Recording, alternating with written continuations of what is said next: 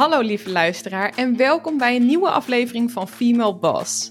Mijn naam is Amanda Bakker en in deze show help ik jou met mijn gasten de beste versie van jezelf te worden. Deze themareeks van de podcast staat in het teken van well-being. Bijna 1,3 miljoen mensen in Nederland kampen op dit moment namelijk met burn-out klachten. Grote kans dat jij en ik daar dus ook wel eens last van hebben. Terwijl een gezond lichaam en gezonde geest randvoorwaardelijk zijn voor een succesvol en gelukkig leven. Maar ik vraag me af, hoe kom je daar? Op die vraag ga ik in dit Wellbeing seizoen een antwoord zoeken. Met verschillende gezondheidsexperts buig ik me over dit onderwerp en kom met concrete tips en stappen om jou verder te helpen. Aan het einde van dit seizoen heb jij de tools om je leven weer in balans te krijgen. Ben jij klaar voor een positieve verandering?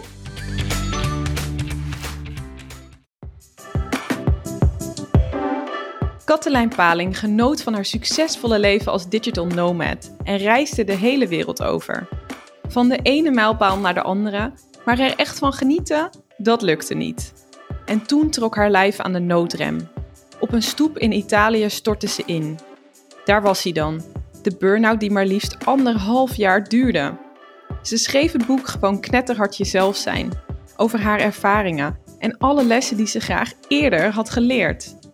Katelijn laat zien waarom het noodzakelijk is om jezelf te zijn en te leven op je eigen voorwaarden. En dat vaker nee zeggen onvermijdelijk is. Een wake-up call voor iedereen dus.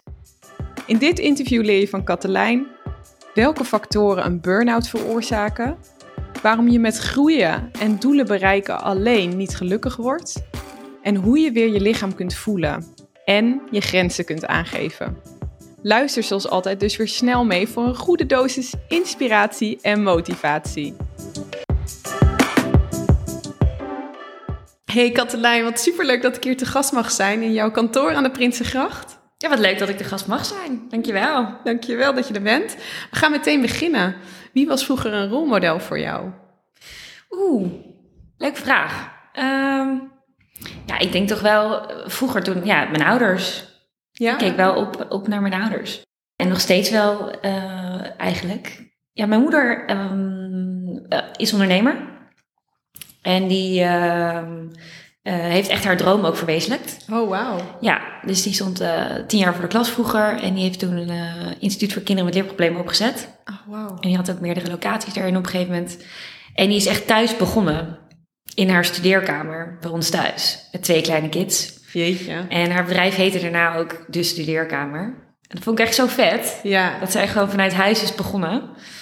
Ehm, en zo'n bedrijf had uitgebouwd. Ja, dus dat, dat, dat, dat ik als klein meisje keek ik er echt wel, eh, echt wel naar op. En ook mijn vader, die ehm, was woordvoerder bij het ministerie. En, maar die schreef ook boeken. Die stond regelmatig in de krant, in de Volkskrant, NRC of Elsevier. Oh, tof. Ja, dat vond ik ook super vet natuurlijk. dus ehm, ja, ik keek er wel naar op. En je, ben je daarom ook een beetje de schrijfkant op gegaan toen? Of? Nou, die vraag krijg ik heel vaak, van het zit in je bloed. Ik denk dat ik daarin heel erg wel door geïnspireerd ben. Door hun. En mensen zeggen wel eens, ja, je bent echt een kopie van je ouders. Ehm, ik weet niet of ik het daar helemaal mee eens ben. Maar Je eh, herkent wel dingen. ja, ja, mijn vader schreef boeken. En mijn moeder heeft trouwens ook boeken geschreven. En ehm, mijn moeder is ook ondernemer en die eh, is ook coach. Dus ja, in die zin. eh, ik snap dat mensen dat een kunnen beetje zeggen. Ja. ja. Ja. Nee, maar zeker. Ik vond dat, eh, ja, ik ben er natuurlijk met, de, als je opgroeit, kijk je er wel tegenop. Ja. Hey, was je altijd al bezig met je gezondheid? Nou, dat is, dat is grappig dat je het vraagt, want ik was zeker bezig met mijn gezondheid, maar vooral met mijn fysieke gezondheid. Sporten? ja, ik sport wel vier keer in de week nog steeds. Wow. Eh, drie, vier keer. En ehm, ik probeer altijd wel gezond te eten. Ehm, eet, eet geen vlees ook. Ehm, ja, ik, ik was er altijd heel erg mee bezig met je lichaam. Maar Ja. ik hield er nooit echt rekening mee dat je, dat je brein ook een onderdeel is van je lichaam. Je brein is ook gewoon een orgaan waar je natuurlijk voor moet zorgen. Als je een hitlesje hebt gedaan, dan ga je daarna ook even ontspannen. En ehm, je brein heeft ook rust nodig om weer op te laden. Mhm. Maar ik dacht er gewoon nooit over na. Want dat voelde je niet. Nee, ja, ik ben, ik ben echt een beetje zo iemand dat als je er geen last van hebt, dan, nou, dan zal het wel. Ja, fysiek dwingt meer. Als je dan moe bent, dan kun je gewoon fysiek ook echt minder. Ja, en je brein, ja, ik weet niet, ik, ik besteed er nooit aandacht aan. Ik dacht, het gaat toch vanzelf? Als ik slaap of zo. Ja, ja, ja, precies. Dan Maar je- laat je op. Ja. maar er zijn zelfs delen in je hersenen die actiever zijn als je slaapt dan wanneer je bewust bent. Dus nee, dat, eh, daar, had ik, daar had ik nog geen kaas van gegeten. Nee. nee, en dat is interessant, want eh, nou ja, recent, je was dus al eh, met je fysieke gezondheid heel erg bezig, maar recenter ook met je mentale gezondheid, met je brein, zoals je net al zei. Want ehm, je schreef een boek naar aanleiding van je burn-out en kwam er eigenlijk achter dat de reden daar, daartoe was eigenlijk dat je meer op je eigen voorwaarden moest gaan leven. Ja, Kun je ons meenemen in hoe jouw leven er voor die burn-out uitzag? ja, dat zag er heel anders uit. Ik ben daarin echt wel 180 graden ehm, gedraaid. Eh, dat ging niet vanzelf. Dat was echt omdat ik echt een noodzaak had. Ik was in zo'n heftige burn-out beland dat ik ehm, ja, gewoon niet meer normaal kon functioneren eigenlijk. En eh, eh, dat heeft ook best wel lang geduurd voordat ik, dat, voordat ik dat accepteerde. Maar ik leefde heel erg onbewust. Ik raaste echt door het leven heen. Van hoogtepunt naar hoogtepunt, alles afvinken. Ehm, Kun je daar voorbeelden van noemen? ja, ik wilde eh, digital nomad zijn. Ik wilde mijn baan, ook mijn baan opgezegd als, eh, als redacteur op een reisredactie. En ehm, eigenlijk zonder plan. Ik was drie maanden naar New York geweest. Ik had mijn eh, vaste contract even gepauzeerd. en toen vond ik dat zo vet. Toen dacht ik, ja, nee.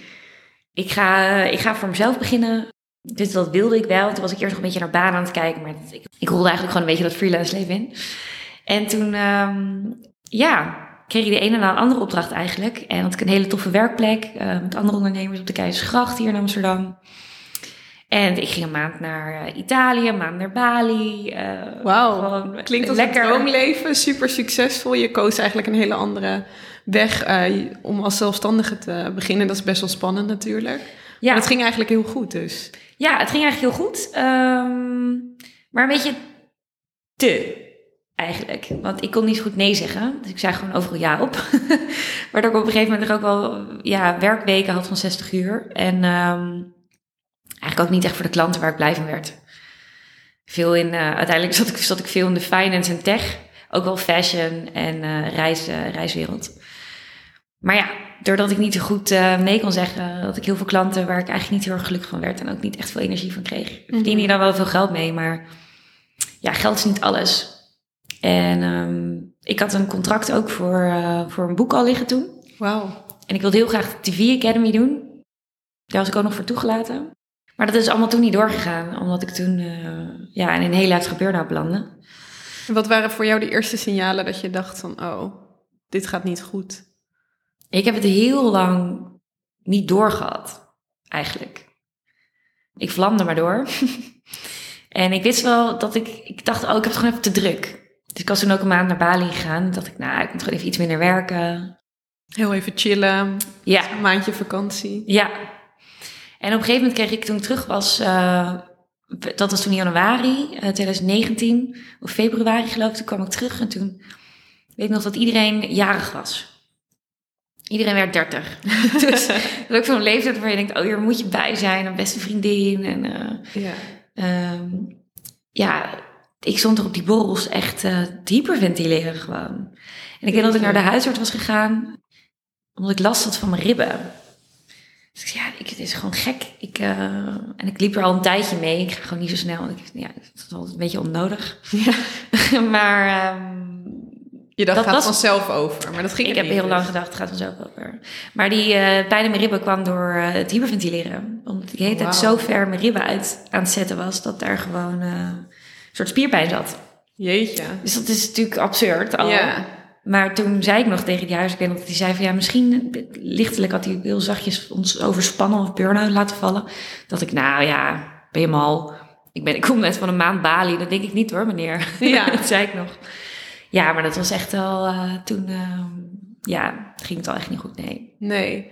En wat was ook, want je schrijft ook in je boek, ehm, dat je jezelf niet het persoon vond dat zou instorten. Nee, totaal niet. Nee, nee, nee, nee. Ja, het feit is, iedereen kan een burn-out krijgen. Maar ik had er een heel groot oordeel over. Ik vond het zwak. Ehm, en ik vond het eh, ja, heel hard. Ik was echt een hard oordeel. Eh, ik vond het een beetje aanstellerij. Ja, je dacht, ja, ja, een beetje van nu, een soort van een moderne hype van Ja, een soort buswoord van oh, Ja. iedereen krijgt een burn-out en we vallen allemaal uit. En eh, ja, ik, word, ik, ik ben niet vies van een beetje hard werken. Maar ja, het, is ook niet alleen door werk dat je een burn-out kan krijgen. Daar ben ik ook wel achter. Ja, want waar komt het nog meer door? Mensen die zeggen, ik, ehm, ik heb te hard gewerkt, ik heb een burn-out. Ja, dat geloof ik niet. Het is niet alleen Je kan werk. niet alleen door werk een burn-out krijgen.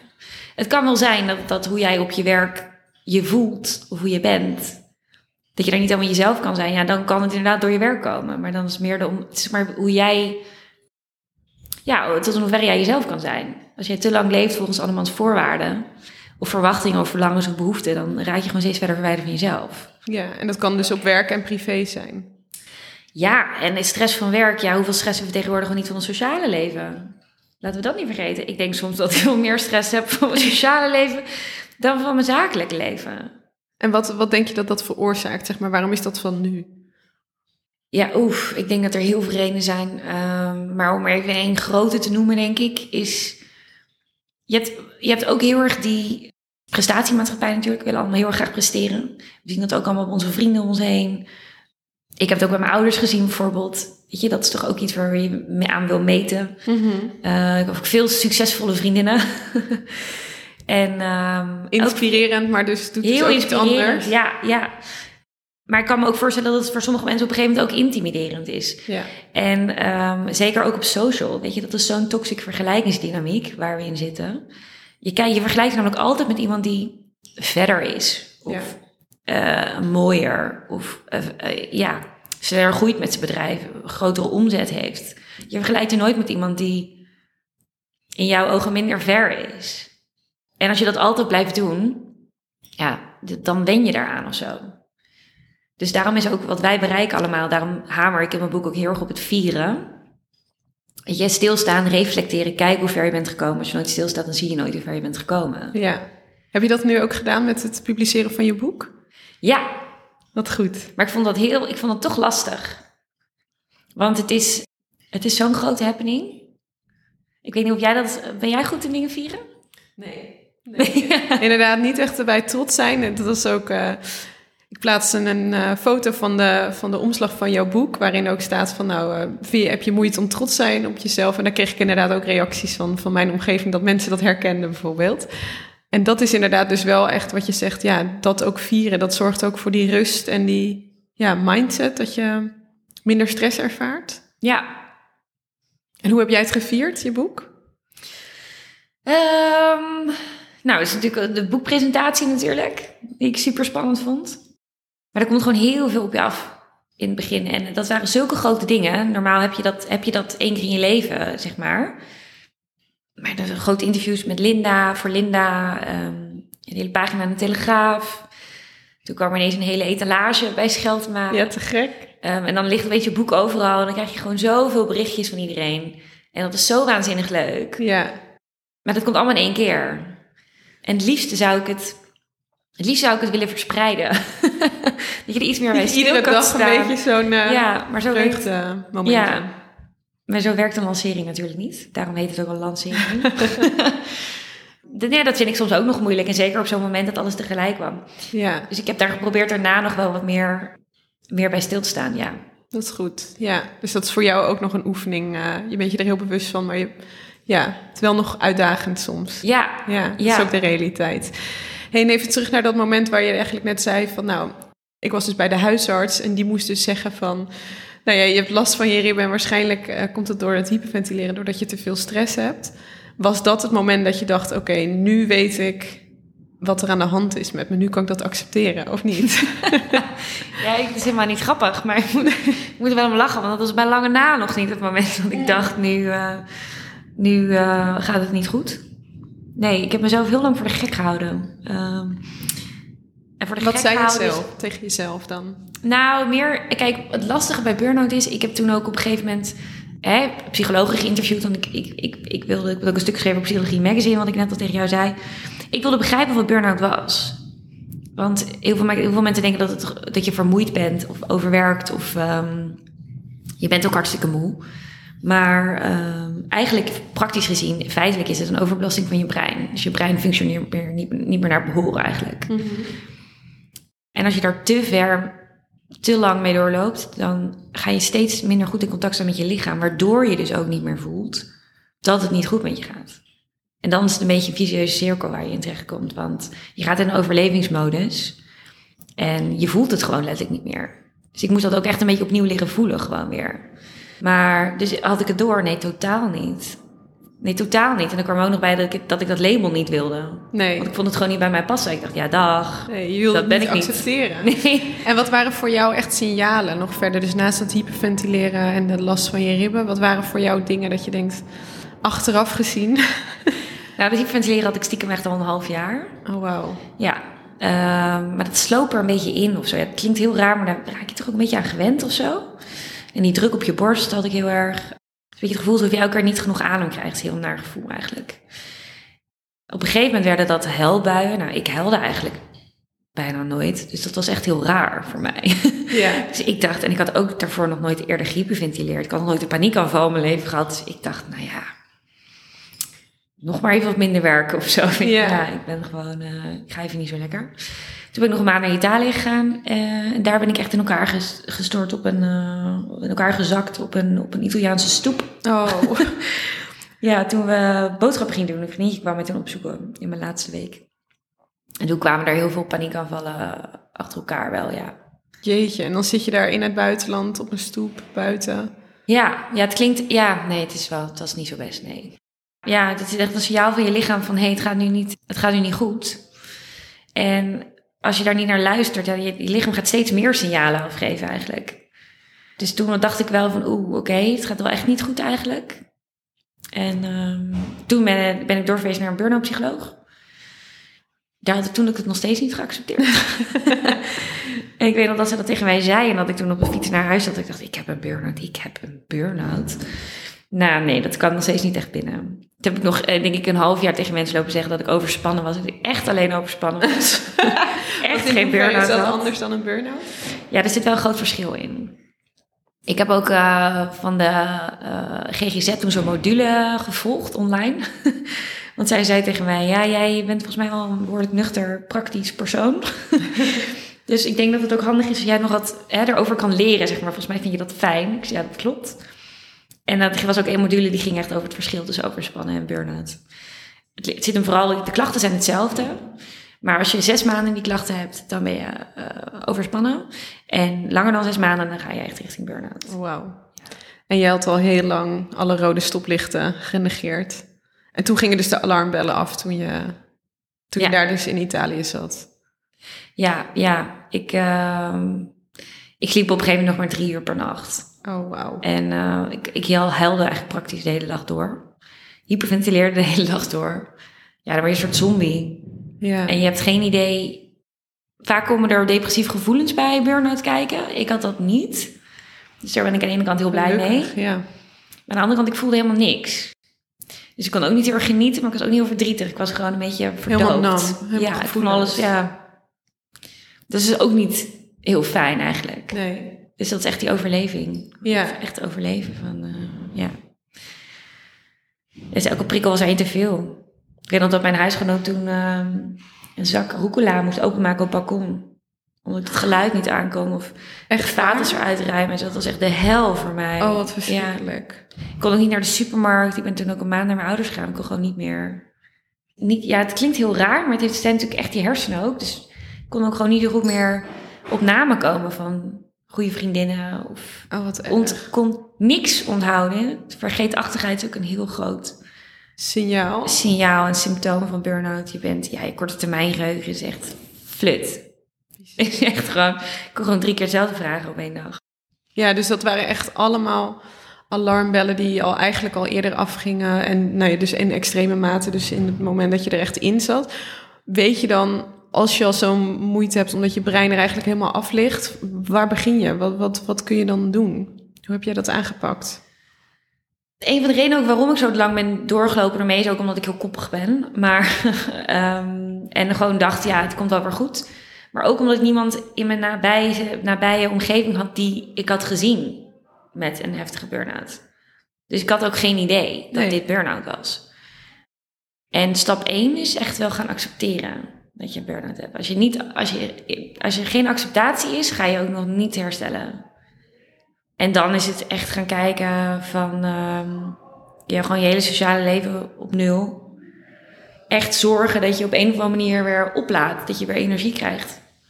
En dat kon alleen door ontspannen, maar ontspannen lukte voor geen meter bij mij. Ja, want wist je meteen van welke dingen je energie kreeg? Daar stond je natuurlijk ook nooit bij stil. Nee, ik moest. eh, kijk, ja, om dat te weten moet je goed kunnen voelen. Dat, dat gaat ook heel erg in mijn boek daarover. Ook net dat jezelf zijn, dat kan pas als je jezelf kent. En jezelf kennen doe je alleen door te voelen waar je blij van wordt en waar je energie van krijgt en waar je van oplaadt. Ja, als je niet meer in contact met je lichaam staat, succes. Ja, heel moeilijk. Ja. Ik ja. nog dat ik veertien velletjes ehm, met tabellen meekreeg van mijn eh, psycholoog.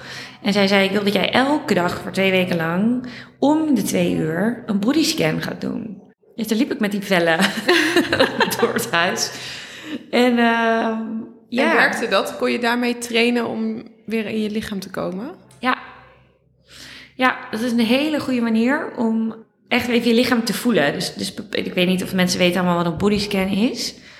Uh, maar dat je dus bepaalde delen in je lichaam echt even aanspant en dan weer ontspant. Of in je hoofd naartoe gaat, zodat je dus elk lichaamsdeel afgaat. Zodat je dus echt kan voelen um, dat je in je lichaam zit. Ja, ja. Ja het klinkt zo makkelijk, maar dat, dat is het niet. Ik ben ook wel eens dat ik naar de huisarts ging en ik had heel erg lang duizeligheidsklachten en uh, nog een aantal andere dingen. En toen verwees de huisarts me door naar een haptonoom. Ik had geen idee wat een haptonoom deed, maar toen, ik, toen zei hij geloof ik, het zit een beetje tussen een fysiotherapeut en een psycholoog in. Um, en het helpt je weer in je lichaam te komen. En ik dacht toen echt van, oké, dus ik zit er niet in mijn lichaam. Daar had ik nooit zo bij stilgestaan en toen dacht ik... Ja, dat klopt eigenlijk wel. En ook in de gesprekken met de haptonoom, ik vond het veel om te verwerken, zeg maar. waren hele goede oefeningen en heel confronterend ook.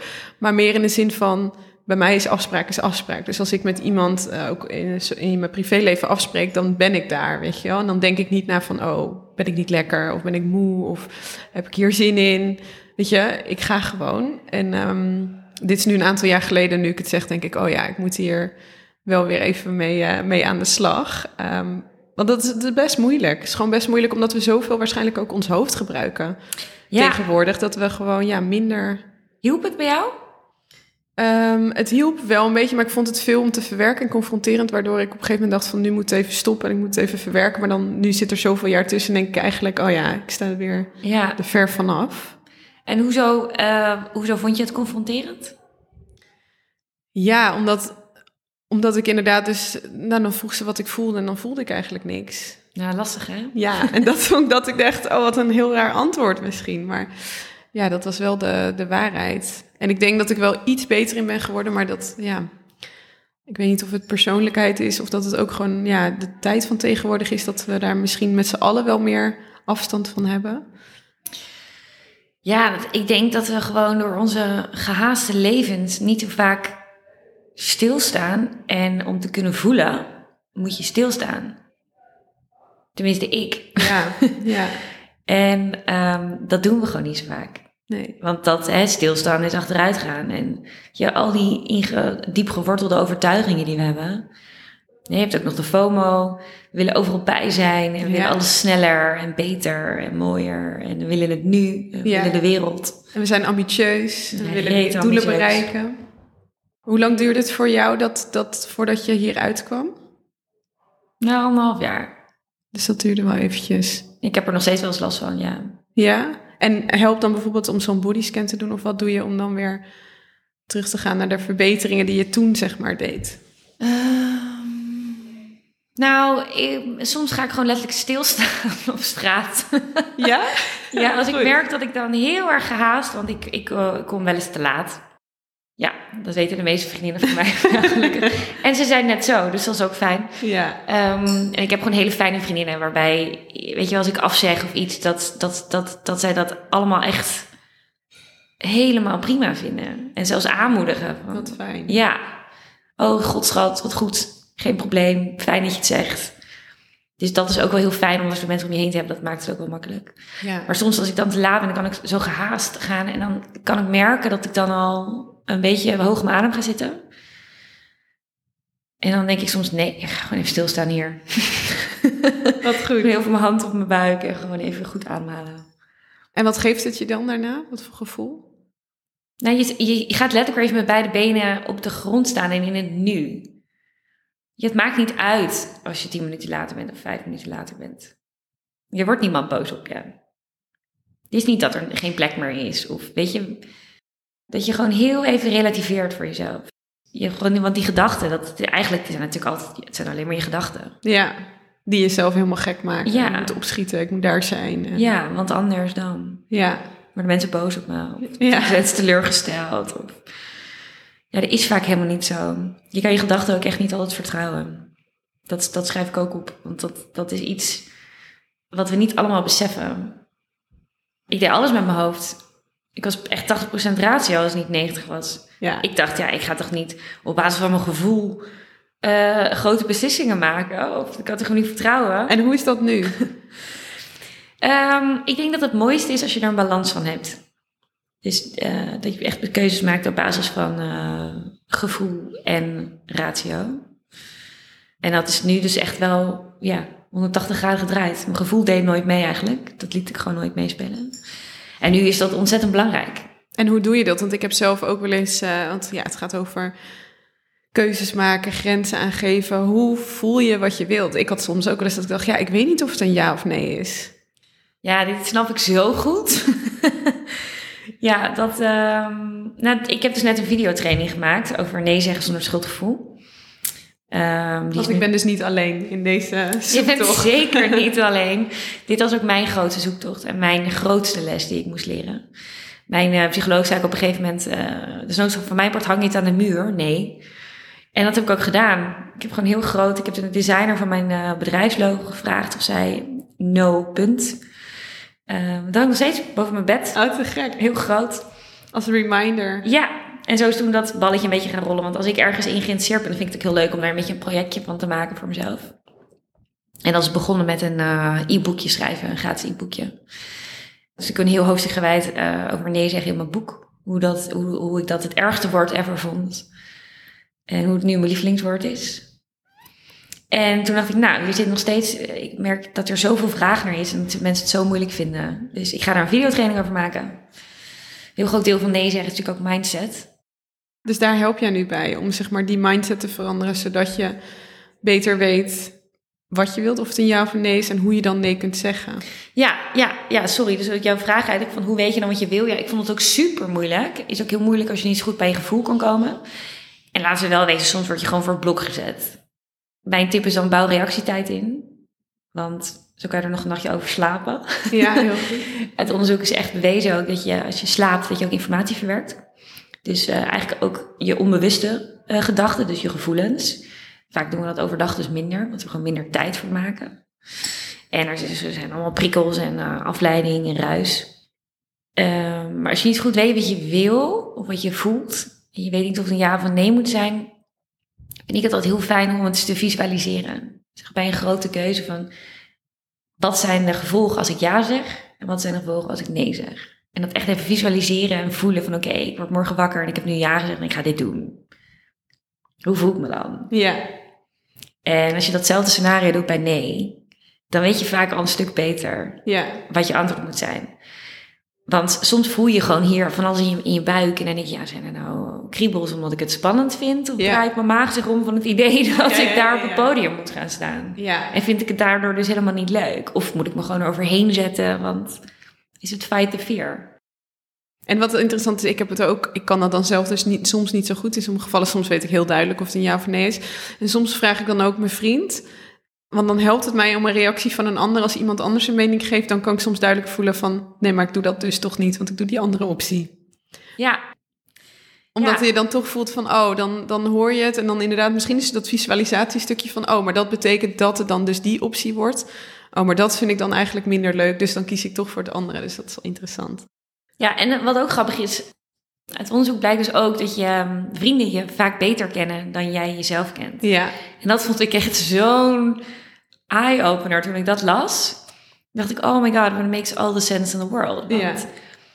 in dat onderzoek was het ook heel erg van eh, bepaalde traits, dus bepaalde persoonlijkheidskenmerken. moest jij over jezelf zeggen of je dat dus wel of niet vond. Of je dat wel of niet was, bijvoorbeeld extravert. Nou, op het algemeen zijn mensen volgens mij liever extravert dan introvert. Tenminste, dat, dat gevoel heb ik. Niks mis met introvert zijn trouwens. Nee. Maar ehm, toen bleek dat dan bijvoorbeeld eh, vrienden juist zeiden van nee, zij is hartstikke introvert. Dat je dat niet over jezelf zegt, omdat je het eigenlijk toch liever niet wil. Ja, En er is natuurlijk ook nog de story you tell yourself. Dus hè, dat hele verhaal wat je in je hoofd schrijft over jezelf. zeker. Terwijl je vrienden je van de buitenkant heel anders beleven dan, dan het verhaal dat jij over jezelf hebt geschreven over je leven. Ja. En kun je een voorbeeld geven van een keuze die je misschien hebt gemaakt op basis van deze nieuwe inzichten en eh, gevoelens? Ehm Oeh, lastig. Ja, ik denk dat ik, het, dat ik het dagelijks doe eigenlijk. Ook als ik bijvoorbeeld, als ik me dan niet zo goed voel, of ik ben gewoon heel erg moe. En dan denk ik, ja, ik moet vanavond naar, een- naar een event. Eh, Sta ik daar nu, hoe is het als ik daar sta vanavond? Word ik daar dan heel blij van of, of put het me nog verder uit? Dus bij dat soort kleine, soms doe ik het ook letterlijk met mijn avondeten. Denk ik, ja, oh, ik weet niet wat ik wil eten. Heb jij dat ook wel eens? Ja, ja zeker. En denk ik, oh, moet ik nou weer verzinnen? En dan denk ik gewoon, oké, stel je hebt straks het al bord voor je. Wat goed. Dus zelfs in die kleine, maar dat zijn denk ik ook goede hele kleine visualisaties. En dan denk ik, ja, nee, ik heb helemaal geen zin in die pasta. Ja. Ik ga gewoon soep maken. Dus dat je dan gewoon heel veel voor jezelf... kan- Want ik heb zin in iets warms, weet je. Dan kan het gewoon heel even door een visualisatie... Visualisatie is zo'n krachtige tool. Ja. We moeten dat echt... Je kan ook je brein zo conditioneren aan dingen die je spannend vindt bijvoorbeeld. Of vision boards maken. Ehm hè, conditioneer je brein aan die nieuwe werkelijkheid. Zodat het, zodat het werkelijkheid kan worden. Zodat jij eerder eh, op moment suprême, op momenten dat het toe doet... eh, stappen durft te ondernemen. ja. Dus daarin helpt je brein juist je lichaam, zeg maar, om daar Ja. beter te voelen. Je krijgt er gewoon meer zelfvertrouwen door. Omdat je dus al letterlijk jezelf daaraan conditioneert. Ja. Je hebt huis en haard opgezegd en je gaat binnenkort eh, naar Zuid-Afrika Ja. met een enkeltje. Waanzinnig. Is dat een voorbeeld dat je denkt van dit is leven op mijn voorwaarden? Ja, dit is next level, gewoon knetterhard jezelf zijn. Kijk, mensen denken dan vaak, omdat ik dit boek heb geschreven... ehm, en andere ondernemers, vrouwelijke ondernemers, ook coach daarin van... blijf echt dicht bij jezelf en doe waar je blij van wordt. Dat ik dat niet meer lastig vind af en toe om dat soort keuzes te maken. Maar ook ik vind dat nog lastig. Alleen ik vind het gewoon zo belangrijk, omdat ik ook weet wat het alternatief is als je niet, als je niet doet waar je blij van wordt. Als je te lang iets doet waar je niet blij van wordt. En ik denk dat dit was al heel erg lang een droom van mij ook. En natuurlijk heb je wel eens beperkende overtuigingen. Die heb jij vast ook wel eens. Zeker, herkenbaar, ja. Dat je denkt, oh, maar ja, er is een woningnood in Amsterdam en ik zeg nu mijn huur op. Ja, Super. goed idee. Klinkt als een goed Top, idee. top plan. Ja, en, wat, en waren ook vriendinnen die dan vragen, wat ga je daar dan doen? Ja, dat weet ik ook niet. maar dat is ook part of the fun, denk ik. En het avontuur. En tuurlijk, sommige mensen gaan heel goed op die vastigheid en die zekerheid. En die financiële ehm, zekerheid. Ja, Er zijn duizenden redenen om het niet te doen. je zal altijd duizenden redenen, maar dat zal ook nooit een goed moment zijn. Je Ja. moet het moment zelf creëren, daar geloof ik heilig in.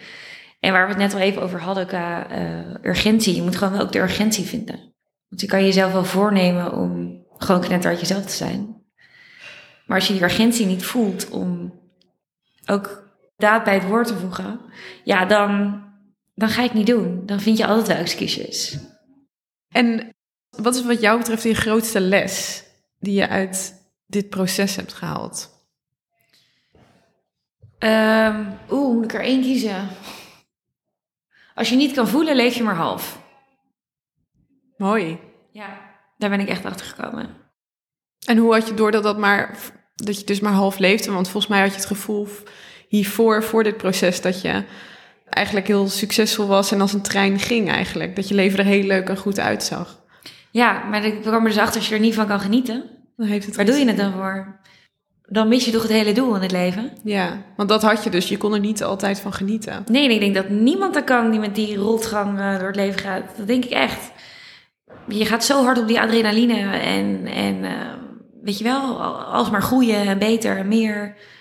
En alleen maar doelen afstrepen. En eh, dat is hartstikke leuk, maar ik, kon er, ik kon er letterlijk niet van genieten. Want ik dacht dan, oké, dit is gelukt, wat ga ik nu doen? Ja, In plaats van, wow, wat super vet dat ik dit heb bereikt. Ja, je, je stelt jezelf constant nieuwe doelen om weer verder te groeien en Ja. dingen te bereiken. En dat is ook die hedonic adaptation, zoals ze dat met een mooi woord eh, noemen. Je raakt eraan gewend. Dus het is van nature dat je daarna iets meer... Daarom zal qua geld... Je zal altijd op een gegeven moment meer willen ervan. Ja. Maar dat is ook uit zo'n onderzoek gebleken van... eh, ik heb zo'n... de Science of Wellbeing course gevolgd van Yale. Oh, wat top. online, ja. En daar zeggen ze ook in van, volgens mij is er een piekmoment. Nou, pin me niet vast, maar volgens mij was het 70k per jaar. Waarna je, als je dan meer verdient, dat je er niet gelukkiger van wordt. Wauw. Dus er zit een limiet aan eigenlijk. Ja, Ja. Maar dat hebben wij niet door. Of het dan een ton is of twee ton. Of, Heel interessant. Ja. Ja. En een soort van confronterend inderdaad. Dus meer dat stilstaan, dat zou wat jou betreft de les zijn om meer te genieten van alle individuele kleine momentjes. ja, ik zou bijna zeggen, dwing jezelf ertoe. Want je mist het. Je mist het moment Ja. anders. En heel belangrijk daarbij is ook die urgentie vinden. Hè? Dus om het leven te leiden op jouw voorwaarden. Een onderdeel daarvan is, is, is ook genieten van alles wat je bereikt. En daar stil bij staan. Kunnen ook hele kleine dingen zijn. Hè? Want hoe doe jij dat? Hoe doe je dat op een door de weekse normale dag? Hoe sta je daarbij stil? Ehm, ik roep soms gewoon, oh, geluksmomentje. Oh, wat goed. Ja, dus Die, heel- dat je dan van binnen voelt. ja, als ik dan met vriendinnen ben bijvoorbeeld of zo. En eh, eh, je zit op het strand en je hebt een zonsondergang of iets. Ja, ik hou echt van zonsondergangen. Dan denk ik, ach, dit is zo'n geluksmomentje. En dan benoem ik het gewoon even. En ook om daar anderen even heel bewust van te maken. Niet alleen voor jezelf, maar ook om de Ja. anderen daarin mee te nemen. Van, Ja, Het is dat iets doet heel kleins. zoveel met je, met je well-being. Ja, En Met hoe je, hoe je mindset of hoe je mood is. Dat is echt, eh, als je dat deed, dat is natuurlijk ook een deel van die tip. dankbaarheid. Ja. ja. ja, dus die dankbaarheid om van die, die kleine momentjes te Ja. waarderen. En eh, ja. Ja, wat goed. Dus goede tip. Dus eigenlijk moeten we af en toe allemaal even uitroepen geluksmomentje. Om ook anderen daarin mee te nemen. Ik denk dat het een hele goede is. En sowieso positieve vibe natuurlijk. eh, Ja. om daar even bij stil te staan. Ja, en wat ik ook een hele mooie vond in jouw boek, wat je schreef. En net ook al vertelde van, nou, we zijn dus bezig met next goal, weet je wel. We zijn steeds bezig om beter te worden. En jij schrijft over eh, kansen. Het zijn net bootjes. En ik vond dat heel herkenbaar. en eh, ja, om te voelen dat je dus kansen moet grijpen. Kun jij ons vertellen wat jouw eh, visie hier- hierop is? Ja, ja, leuk dat je dat zegt. Ehm, ik hou heel erg van beeldspraak, dus dat, Dat vind je wel terug in het boek. Ja, ik zie ehm, kansen dus een beetje als bootjes. En ik dacht vroeger altijd, nou, een kans is een kans, die moet je pakken en anders is hij weg. Ja, Hè? Net als een bootje opstappen en anders dan eh, ja, is, hij, is hij weg. Maar je hoeft niet elke kans te pakken. Net als dat je niet elk bootje hoeft te pakken. Want soms gaat de bootje een hele andere kant op dan waar je heen wil. Ja, dan ben je wel mooi opgestapt. Maar ja, misschien wil je een hele andere richting op. Dus soms moet je dat bootje gewoon laten varen. En Ja. vertrouwen hebben dat er wel weer een nieuw bootje komt. ja. Want dat is het ook, hè. Vaak doen we het. Of een beetje uit, vanuit ons ego, hè. Dus dat stemmetje die zegt van, ik moet, ik moet er te doen. Ik moet toffe dingen doen, anders dan, eh, hè, doe ik er niet toe. Ja, dat is ook niet zo'n gekke gedachte, want iedereen om ons heen, als je iets tofs doet, dan word je geapplaudiseerd, weet je. Je krijgt heel veel likes, iedereen vindt het fantastisch. Dus je denkt, nou, ik moet dat blijven doen, want als ik dat niet doe, dan, dan doe ik er niet toe. Dan ben ik niet de moeite waard. ja. Ik moet, moet een bijdrage leveren aan deze wereld. En dat is een beetje die prestatiemaatschappij natuurlijk ook. Dus daarom zijn we heel erg geneigd om elke kans die voorbij komt, dan maar toch te pakken. Ja, en Terwijl niet, als- niet te overzien of dat past in onze levensdoel of grotere goals of daar waar we naartoe willen. Ja, de vraag die je dan denk ik echt mag stellen aan jezelf is... Hè, bijvoorbeeld een promotie, dat je Ja. head of product wordt, ik zeg maar wat. Nou ja, dat is een promotie, dus dat moet je pakken. Maar ja, misschien vind jij het wel helemaal niet, word je helemaal niet blij van het aansturen van het team. Nee. En vind jij het veel fijner om gewoon zelf onderdeel van het team te zijn? Ambieer je helemaal geen managementrol? Maar ja, dan heb je het misschien het gevoel dat je het wel moet doen. Vanuit een bepaalde druk vanuit de maatschappij of je ouders of vrienden. Ja, soms is dat dan niet jouw bootje. Dus eigenlijk ook ervaren dat het niet meant to be is. En dat je dus een keuze hebt bij een kans. Dus dat je Ja, je niet hebt een, uit- ja. automatisch moet grijpen. Nee, je hebt een keuze inderdaad. En ik denk dat ons ego ons daar wel eens in kan verwarren. Ja, Van, oh, ik moet het doen, want dat is... Dus is het echt iets wat jij heel graag wil? Wat jij verlangt? Of is het iets wat je denkt dat je hoort te doen? Of dat, dat er tof uitziet op je cv op LinkedIn Ja, als titel. ja waanzinnig. Ja, en dit, dit is echt een inzicht. En ja, wat denk ik daarbij helpt, wat jij al net als tip gaf, om daar, dus daar ook te, bij te visualiseren van zie ik mezelf dat doen? Zijn dat dingen waar ik gelukkig van word en Ja. energie van krijg? Past dit dus bij mij? Is dit nu mijn ding om nu te pakken? Het kan ook natuurlijk het momentum zijn dat het momentum niet is. Ja. Ja, Hoe laat jij nu zelf op, je batterij? Want we hadden het er net al even over dat je zei, nou je dacht vroeger dat, dat je dat deed met slapen. Dat je, ja. dat je brein dan opladen. Wat, eh, op welke manier laat jij nu op? ja, ik dacht vroeger ook dat als ik aan Netflix was, dat ik opladen. Maar dat is Oh, ja. niet waar. Ook Dat vond ik herkenbaar. ook echt. Ja, dat, dat, eh, dat zei Thijs Launsbach ook een keer tegen mij. Toen dacht ik, nou, net alsof je zegt dat Sinterklaas er niet bestaat. Ja, ja, wel? ja. Het, voelt, het voelt een soort van als ontspanning, maar dat is het dus niet. Nee. Nee, je lichaam ligt dan wel leuk op de bank, plat. Maar je brein moet ook nog steeds eh, een verhaallijn volgen in een serie. Maar laat je brein nog steeds werken. Ja. Zelfs met een boek, eigenlijk. Al ontspant het wel, maar ja, dat, dat, ik scheide altijd mijn hoofd en mijn lichaam. Maar eigenlijk is dat dus niet eh, te scheiden. Want het is gewoon één. En wat is dan een ultieme ontspanning? Is dat echt niks doen? Ehm, dat vind ik zelf ook nog steeds lastig. ik moest dat wel noodzakelijk doen. Maar nee, ik ga soms echt wandelen. Of ik vind het gewoon heel fijn om met een koffietje op het balkon te zitten. en Gewoon voor me uit te staren. Lekker.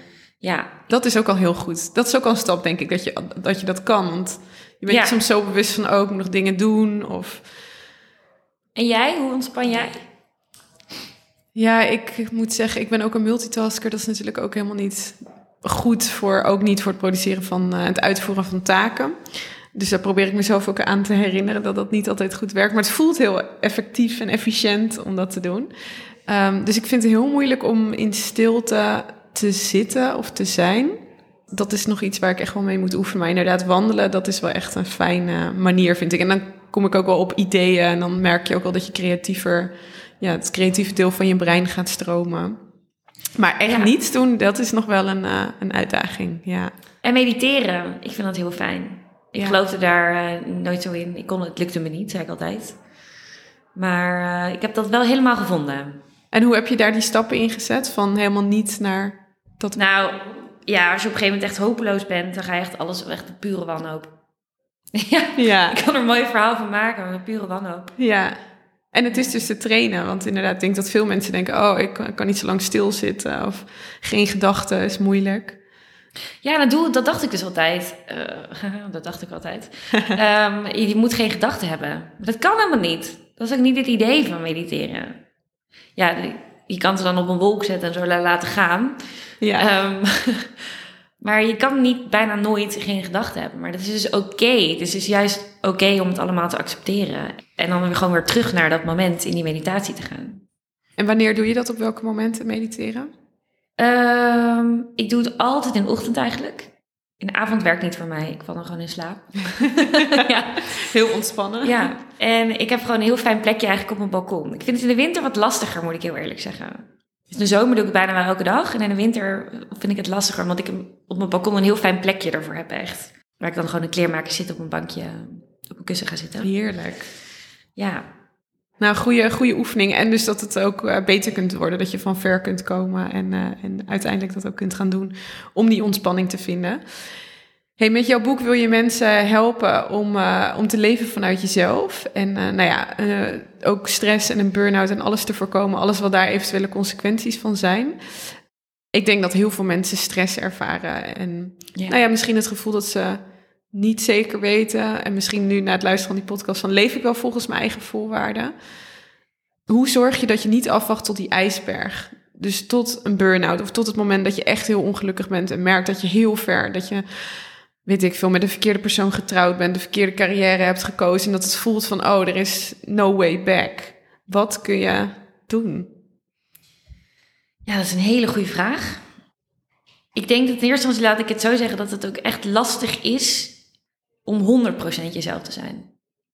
Want je blijft hier altijd wel op een of andere manier gewoon... Je geeft gewoon aan mensen om je heen. Die wil je niet teleurstellen. Dus je vormt je altijd toch wel een beetje naar de verwachtingen. De behoeften, de verlangens van, ja, dierbaar om je heen. Dat is heel begrijpelijk. Alleen je moet, de kunst is om jezelf daar niet in te verliezen. Dus om te zorgen dat je gewoon dicht bij jezelf blijft. En bij je eigen verlangen, wat jij graag wil. En om dat te kunnen doen, moet je gewoon echt goed kunnen voelen. En goed in contact zijn met je lichaam. En ja, dat is best lastig. Daar ja, moet je tijd voor maken. En af en toe stil voor staan. Om echt goed te kunnen voelen van, hé, hey, wat wil ik? Wil ik dit wel? Wil ik dit niet? Ja, dus ik denk dat voelen de beste tip is. En als je je emoties goed kent, dan ken je jezelf. Dus het boek heet gewoon Knetter uit jezelf zijn. maar voordat je echt helemaal jezelf kan zijn, moet je jezelf ook echt een beetje leren kennen. Ja. Ik denk vaak dat we onszelf heel goed kennen, maar... Dat, dat valt vies dat tegen. Dat valt vies tegen. Ja, dat vond ik ook echt een eye-opener. Ik dacht van, oh ja, grappig. Dat dat zelfs uit het onderzoek naar voren kwam. Dat je, dat je vrienden je soms beter kennen dan je jezelf kent. Ja, en dat, waardoor komt dat, denk je? Door die belemmerende overtuigingen? Of... Ja, ik denk onder andere door de story you tell yourself. Het feit dat je ook niet altijd je gedachten kan vertrouwen, eigenlijk. Ja.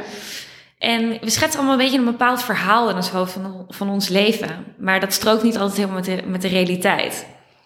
Of hoe jij zelf in elkaar steekt eigenlijk. Mm. En soms kan je dat ook een beetje testen bij jezelf. Een soort van retrospectie doen van... Oh, ik reageerde eigenlijk zo op dat... Bij die gebeurtenis. Eigenlijk vond ik dat misschien helemaal niet zo leuk. Terwijl op dat moment dacht je dat je dat zei, dat je dat prima vond. Ja. Maar ja, wat je zegt en wat je voelt en wat je denkt, is niet, dat is niet altijd helemaal uh, overeen. Komt niet altijd helemaal overeen. En soms doen we dat ook als beschermingsmechanisme. Dat de waarheid eigenlijk een beetje te confronterend is. Dus dan maak je er toch in je, in je hoofd een ander verhaal van.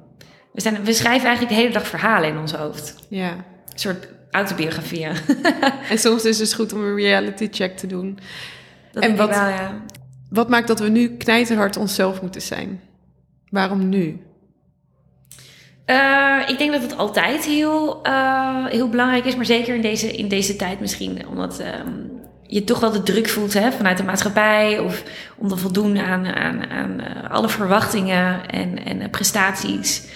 Is het best wel lastig om dicht bij jezelf te blijven. Maar ik denk wel dat als jij je leven leidt helemaal vanuit jezelf, voor en vanuit jezelf, dus echt op jouw voorwaarden, ja, dat dat, dat, dat simpelweg het meest gelukkig maakt. Ja. Waarom moet dat nu en niet morgen? Ja, ik denk dat we tijd voor lief nemen. Ik denk dat tijd is, is wat we ja, echt voor lief nemen. En, en, en dat staat ook een beetje cru in mijn boek. Maar jij zei het net al, van elke dag je wakker wordt is je toekomst korter. En ja, je weet gewoon niet hoeveel tijd je hebt. Dus ik vind hoe die stoïcijnen echt mediteren op hun sterfelijkheid. Kijk, de dood is iets waar we allemaal als de dood voor zijn. Ja. Weet je, dat is iets waar niemand over na wil denken. Maar eigenlijk moet je dat wel doen. Want het geeft een bepaalde urgentie aan je leven mee. Je weet niet hoeveel tijd je hebt. Nee. Dus leef het gewoon eigenlijk alsof dit misschien wel je laatste dag is. Hou alles eruit. Maar wees dus ook strikt in de keuzes die je maakt voor jezelf. Doe niet te veel voor anderen. En nee, dat is niet egoïstisch. Dat heet gewoon goed voor jezelf zorgen. Ja. Fantastisch. Ja. ja, supermooi. Ja, en dat is denk ik echt de wijze les van ja, wacht niet af tot die ijsberg, maar ga dus dat nu doen. En uh, nou, ik vond jouw boek echt fantastisch, uh, confronterend, herkenbaar en uh, met hele goede tips er ook in. Ja, wat lief, dus, dankjewel. Ik ga er ook echt mee aan de slag. Katelijn, je bent voor ons echt een female boss. En ik ben heel benieuwd van welke female boss zou jij haar verhaal nog wel eens willen horen? Oeh, wauw. Ja, van wie niet? Ik zit hier ook op kantoor vol met ambitieuze vrouwen. Heerlijk, ja. Um, Anne Loosveld ja. en Marissa, en Marissa Bonans. Uh, het zijn ook twee vriendinnetjes van mij. Maar um, hoe zij een business hebben laten groeien in twee, twee jaar tijd. Oh, waanzinnig. Wat voor business hebben ze? Anne zit in coaching voor topruiters. En um, Marissa zit in finance. Dus ik vind het waanzinnig interessant wat zij doet. En ik vind het ook confronterend en eng. Want ik ben helemaal niet goed met cijfers. En Marissa is, die, uh, is echt de queen van, van de cijfers. Oh, te gek. Dus dat, is, dat staat bij mij, dat is zo'n ver van mijn bedshow. Maar zij maakt het heel uh, toegankelijk. En ik vind het gewoon zo tof dat zij als vrouw zo'n business daar um, in heeft gebouwd. Dus ja, dat vind ik hartstikke gaaf om te zien. Waanzinnig, ja, te gek. Nou, super inspirerend en mooi om die ook om jou heen te hebben. Katelijn, heel erg bedankt voor je eerlijkheid en je inspiratie en je tips. Ja, jij bedankt. Superleuk. We gaan je volgen in Zuid-Afrika straks. Ja. Gelukkig digitaal. Dankjewel. Ja, dankjewel. Ben jij weer een stap dichter bij je inner female boss gekomen? Deel de aflevering dan vooral met een vriendin die dit ook gunt. En ik zou het te gek vinden als je op Spotify of Apple Podcast een review achter zou willen laten. Op die manier kunnen we samen meer vrouwen bereiken en dus inspireren en motiveren. En abonneer je hier ook op de podcast, zodat je op de hoogte blijft van nieuwe afleveringen. Dankjewel en tot snel!